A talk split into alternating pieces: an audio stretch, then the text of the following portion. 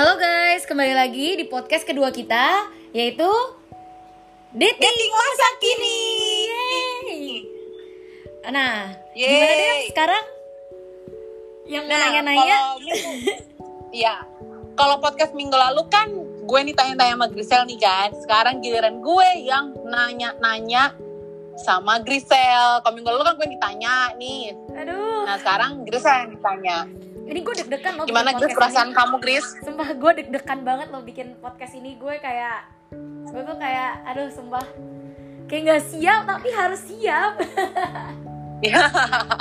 oh, sebentar. Sebelum kita mulai podcastnya, gue mau buat disclaimer ya. Podcast ini tidak untuk bermaksud menyinggung atau menyalahkan pihak mana pun. Ini tuh kayak murni untuk pem- untuk bahan pembelajaran untuk ciwi-ciwi ataupun cowok-cowok yang di luar sana. Betul, Grisel? Betul, jadi kita tuh sebenarnya eh, ngasih tahu ini tuh ya buat kasih inspirasi, nggak nggak inspirasi juga sih sebenarnya kasih kayak masukan atau eh, supaya kalian bisa belajar mungkin dari kesalahan gue atau kesalahan Devita atau kayak ya hal-hal yang mungkin bisa dipelajarin dari kisah cinta kisah cinta orang-orang yang nantinya juga akan kita undang di podcast kita ini gitu ya.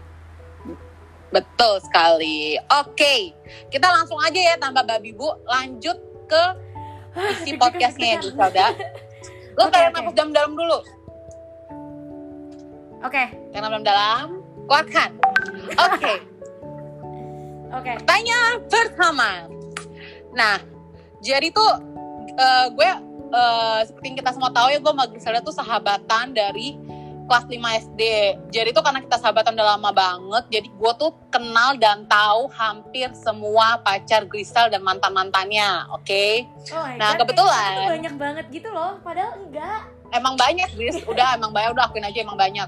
Nah, Aduh. terus habis itu eh, apa Eh, habis itu eh, nih eh, Grisel nih ada eh, sebuah pengalaman unik bersama mantannya. Udah berapa lama sama mantan ini Griselda Eh, ya ini pacaran lima tahun sih. Cukup lama ya. cukup lama. Nah tapi kebetulan nih lu kan eh, cerita sama gue eh, pacaran lo dengan si mantan ini toksik kenapa lu bisa bilang ini toksik terus kategori kategori hubungan toksik itu kayak apa sih? Kayak menurut lo yang pernah lo alamin gitu? Eh, ya jadi kalau gue sama mantan gue ini ya toksiknya tuh kayak eh misalnya dari awal-awal sih eh, misalnya kayak nggak boleh punya teman kayak mau ngapain aja dibatas-batasin. Terus kemudian eh, mulai mulai kayak kasar gitu kasar. Awalnya mungkin kasarnya misalnya kayak dari suka marah-marah lama-lama jadi mulai main fisik main tangan kayak misalnya gue tuh pernah ya dulu kayak gue nih eh, pergi sama temen SD gue ya temen dari TK malah temen dari TK gue ya emang kayak kita segeng cewek cowok cewek cowok gitu terus si Hmm. mantan gue ini nggak ngasih gue pacar tem bukan nggak ngasih gue pergi sama teman-teman gue ini terus setelah itu Hmm. Gue eh, gue tetap pergi dong karena gue emang kepengen ketemu sama si teman-teman eh, sama-sama teman gue ini kan. Terus pas abis gue selesai pergi dia tuh eh, marah sama gue awalnya gue kayak dicubit-cubitin sama dia. Kayak dia katanya kesel sama gue karena gue pergi. Sampai akhirnya gue nggak tahan dong karena dicubit-cubitin kan sakit ya. Gue jadi biru-biru gitu kan. Terus gue bilang udah deh kalau emang lo nggak suka ya udah kita udahan aja deh gitu terus dia malah Hmm. bilang kayak ya udah lo mati aja deh kalau lo mau udahan sama gue terus gue dicekek sama dia. Bener-bener dicekek.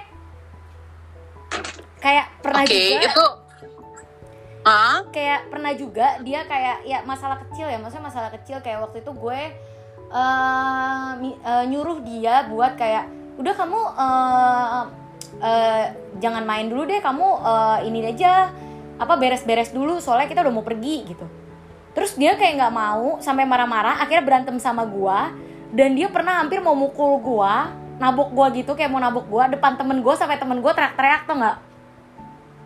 Ini kayak super crazy sih. Kayak ya terus belum yang dipaksa-paksa ya ngelakuin hal-hal lain yang kita nggak suka. Tapi kalau menurut gua kalau secara overall kategori hubungan toksik itu adalah pertama ya dari hal kecil aja kalau lo berantem lo blok-blokan.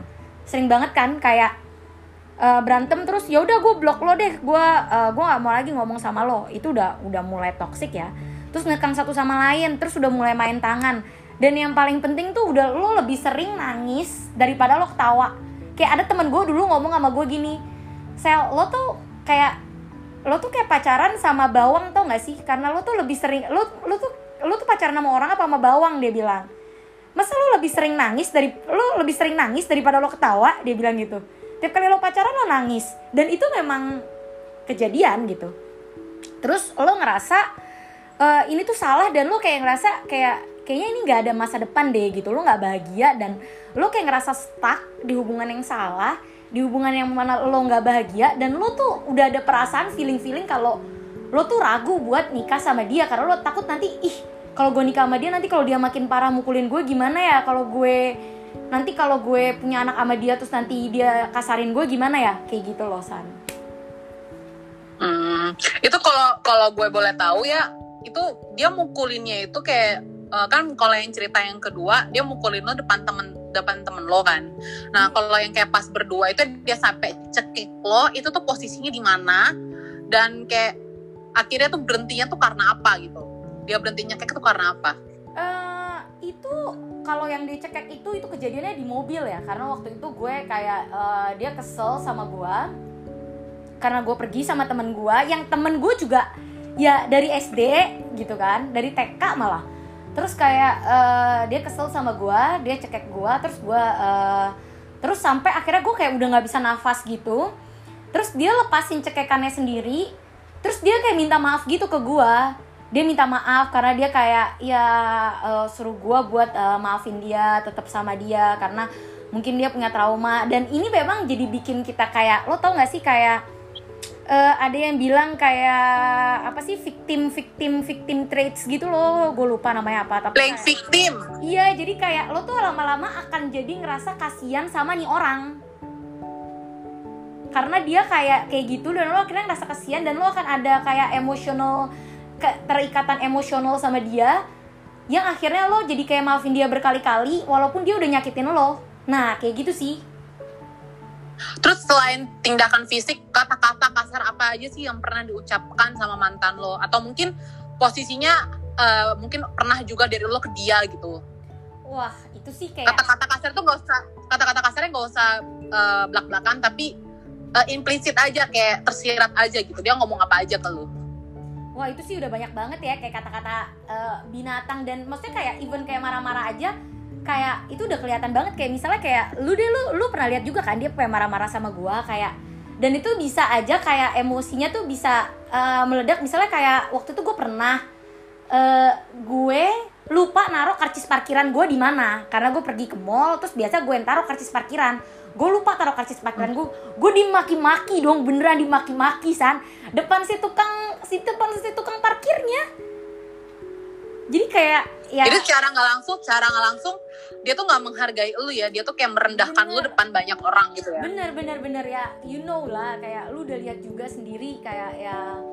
Kayak gitu. Dan begonya gue tuh kayak maafin maafin maafin terus. Karena tadi mungkin kayak victim yang apa ya kayak lu merasa kasihan sama dia dan lu kan ngerasa kayak e, enggak deh dia tuh sebenarnya nggak jahat loh dia tuh sebenarnya baik gitu. Karena dia setelah itu dia kayak minta maaf dan dia merasa bersalah apa kata ini karena masa lalu dia karena kita harus maafin dia dan segala macem gitu loh. Oke, okay. terus ketika lo terjebak dalam toxic relationship itu, uh, lo kenapa bisa sampai nggak mau keluar gitu dari toxic relationship itu? Pertama kan lo tadi cerita sama gue karena lo ngerasa kasihan sama nih orang. Terus selain hal itu apa lagi?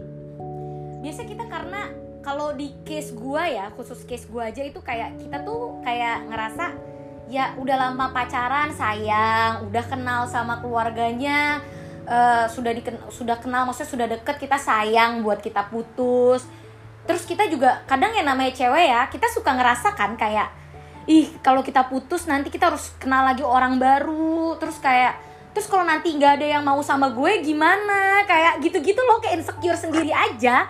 Tapi menurut gue hal yang paling penting yang kita harus lakuin kalau kita terjebak dalam yang namanya kayak toxic relationship itu ya kita harus putus sih. Kita tuh nggak boleh buat kita nggak uh, maksudnya kita kayak takut putus gitu. Itu tuh bener-bener jangan deh gitu. Lo tuh kalau makin kelamaan lo makin kesel sumpah. Lo makin buang-buang waktu karena lo tau kalau dia tuh bukan orang yang tepat gitu loh. Lu tuh uh, mendingan putus aja deh. Gue tuh ada temen ya maksudnya ada temen juga yang kayak dia tuh uh, maksudnya udah pacarnya suka mukulin pacarnya kagak bener gitu. Terus uh, pacarnya juga uh, menurut gue ya kayak agak main cewek ke sana ke sini tapi dia tetap sama pacarnya itu dengan alasan kayak iya gue takut sendiri lah gue uh, mungkin sayang juga udah lama dia dia mengerti gue dia sayang gue kayak serius deh kalau cowok ya kayak gue sekarang udah pinter ya maksudnya kayak cowok kalau mukul kalau kayak gitu dia tuh nggak sayang sama lo mau dia minta maaf bilang sayang sama lo apa segala macam itu bullshit bullshit gitu ya oke oke. Oke, jadi buat buat para listeners atau pendengar ya mungkin yang lagi terjebak dalam toxic relationship, misalnya pacarnya udah abusive, baik dari kata-kata, terus habis itu dari fisik itu juga harus harus, harus langsung ditinggalin ya Grisel ya. Betul sekali.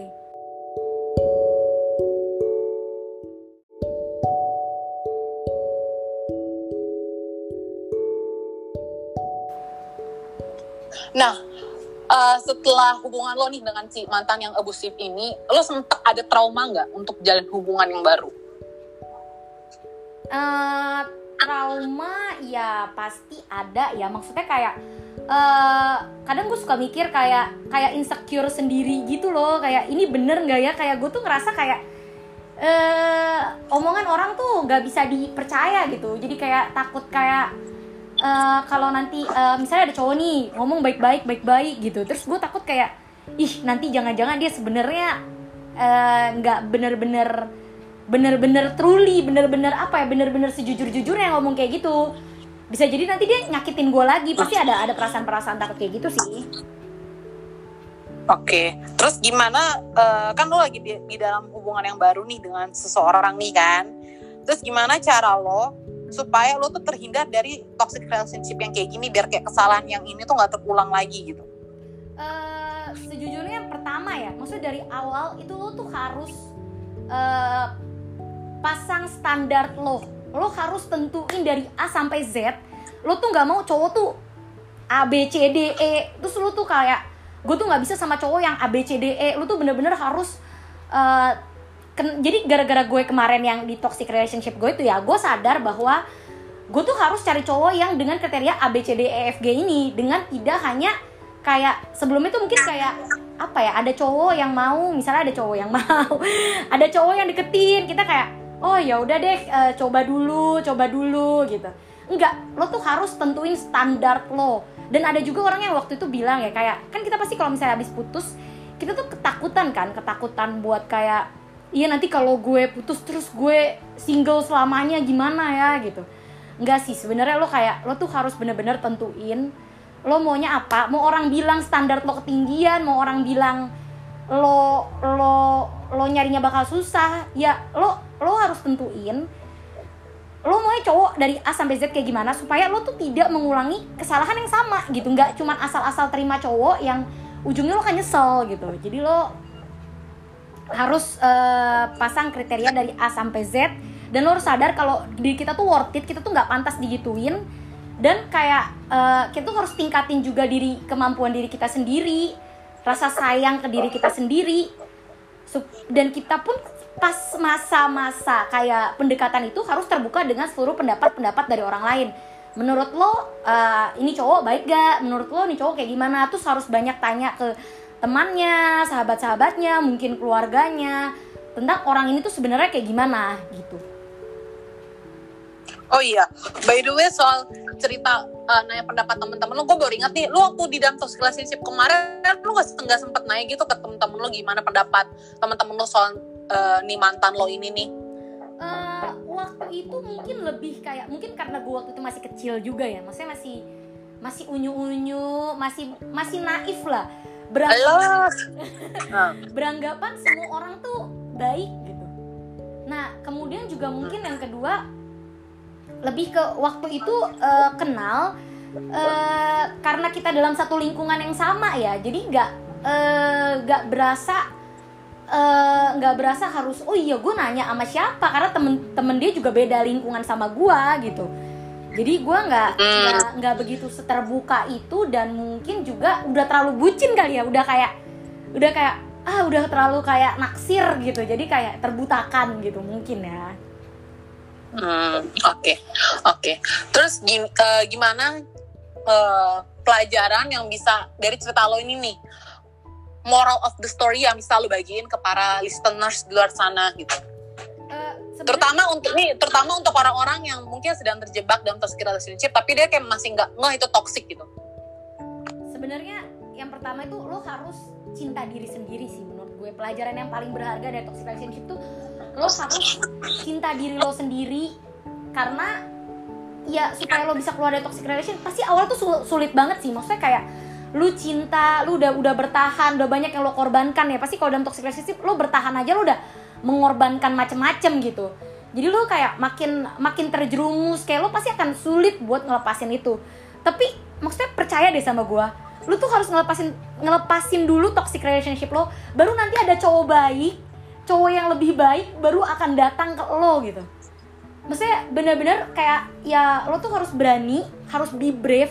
Maksudnya kita kita tuh harus berani buat ngelepasin hal yang toxic di hidup kita berani mengambil sikap kalau udah stop this is not what I want ini bukan ini dia tuh tidak menghargai gua kita harus stop ini gue harus mencintai diri gue sendiri dan dan setelah itu lo harus uh, healed ya maksudnya harus uh, mem- uh, apa ya menyembuhkan luka dan diri lo sendiri dan lo ya mungkin banyak-banyak berdoa banyak-banyak ikhlas ya pasti sulit di maksudnya dua atau tiga bulan pertama tapi percaya aja sama gue pasti setelah itu akan datang cowok yang jauh lebih baik buat lo gitu dan uh, Ya iyalah mantap. Apa? dan dan apa ya maksudnya kita juga harus sadar bahwa kadang kita tuh terlalu naif ya maksudnya terlalu naif kita tuh percaya sama kata-kata cowok kayak bilang iya maafin aku ya sayang aku pukul kamu aku tuh kayak gitu aku kilaf aku aku tuh nggak maksud kayak gitu aku tuh karena aku ada trauma itu tuh maksudnya nggak nggak jangan percaya sama kata-kata manis-manis cowok gitu orang tuh bisa ngomong manis-manis untuk mendapatkan apa yang dia inginkan.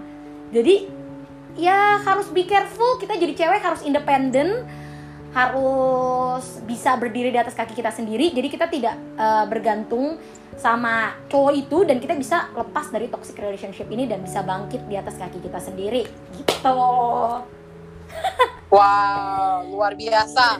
Tuh, buat kalian tuh ya para kadang-kadang tuh yang yang terjebak di toxic relationship gak cuma cewek ya, tapi kadang cowok tuh juga terjebak dalam, dalam hubungan yang toxic ini. benar benar Dan bener kata Gisel, bener banget kayak lu kalau lagi terjebak dalam toxic relationship lu harus belajar untuk melepaskan. Karena prinsip gue juga gitu sih, buat apa lu mempertahankan yang buat diri lu tuh gak bahagia kan?